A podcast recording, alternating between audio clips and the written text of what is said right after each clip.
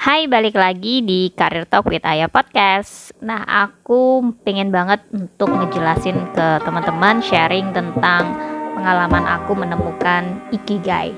So, apa itu Ikigai? Dengerin podcast ini sampai selesai ya.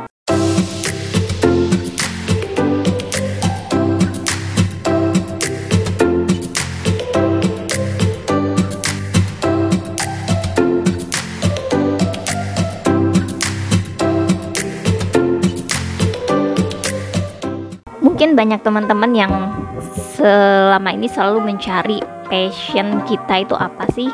Mulai dari kita sekolah kuliah sampai dengan kerja.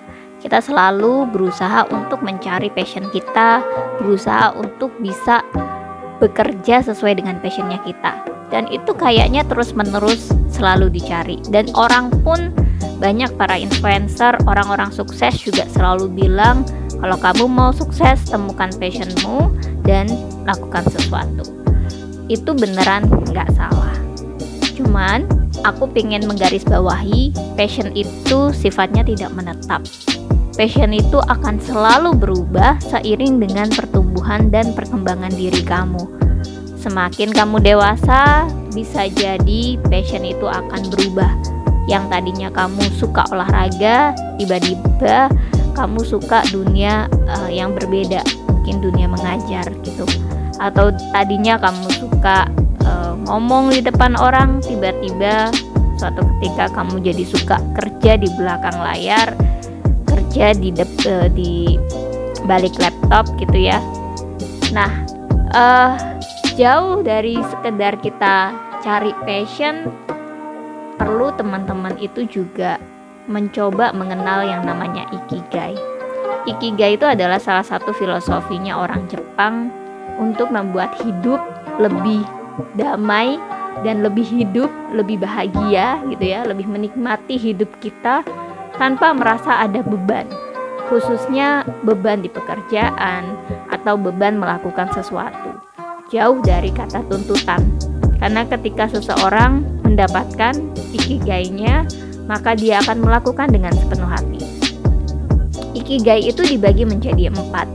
Jadi, melihat apa yang kita sukai, kemudian apa yang memang kita ahli di situ, kemudian apakah skill kita atau kemampuan kita itu memang sedang dibutuhkan dunia luar, dan juga um, apa yang kita lakukan itu bisa membuat kita merasa bersenang-senang di sana atau bisa merasakan liburan di sana mungkin buat teman-teman yang ngerasa oh aku udah nemuin nih kesukaan aku ini hobi aku ini. Coba dipikirin lagi apakah hobi kamu itu bisa menghasilkan uang?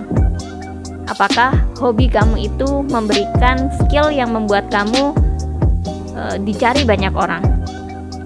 Kemudian apakah dengan hobi yang kamu kerjakan itu yang juga misalnya nanti ternyata memberikan uang, itu ternyata juga memberikan manfaat buat orang lain.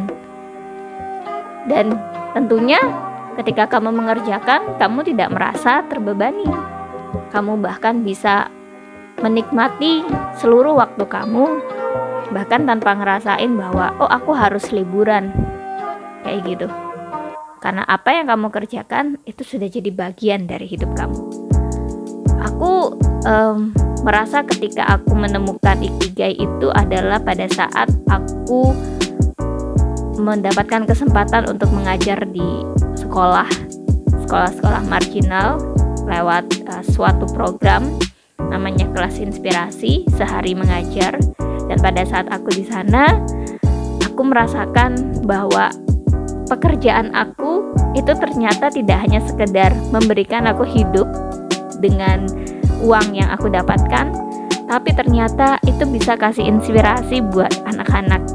Mereka jadi penasaran, pengen tahu, dan mereka pun juga diberikan kesempatan untuk menceritakan mimpinya mereka.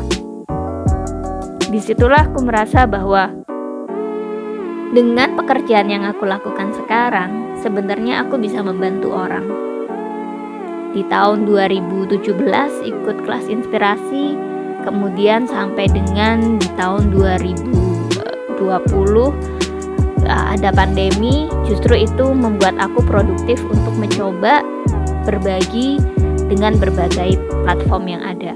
Salah satunya yang teman-teman dengerin sekarang lewat podcast di Spotify.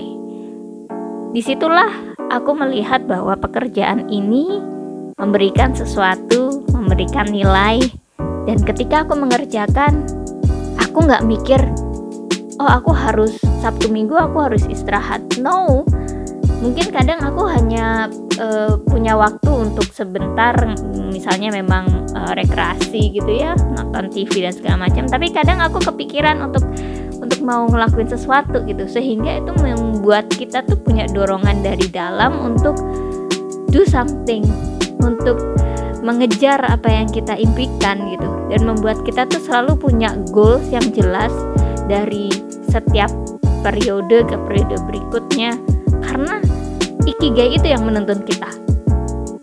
Nah, aku selalu berharap teman-teman juga bisa merasakan itu di pekerjaan kalian. Dan kalau misalnya teman-teman tidak merasakan sekarang, it's okay. Selalu ikuti intuisi dan insting kamu ke mana kamu merasa sangat enjoy sampai kamu ngerasa lupa diri. Lupa diri maksudnya bisa lupa uh, bahwa sebenarnya mungkin kamu uh, lupa makan tapi nggak ngajarin ya lupa makan. Itu paling tidak salah satu gejala lah kok saking kamu begitu enjoynya gitu. Dan kamu tidak merasa ada beban untuk mengerjakan itu karena itu jadi bagian dari uh, tanggung jawab dan juga kayak ya ini yang harusnya aku lakukan gitu. Well um, find your ikigai and I'm pretty sure your ikigai will uh, guide you to reach your goals. Dan percayalah passion itu bisa akan berubah. Jadi jangan selalu fokus pada satu titik selalu lihat banyak opportunity ataupun kesempatan-kesempatan di luar sana yang sebenarnya juga sama menyenangkannya. Sekian dari aku untuk ngobrol bareng di Career Talk with Aya dan kita akan kembali lagi di episode lainnya. Have a nice day.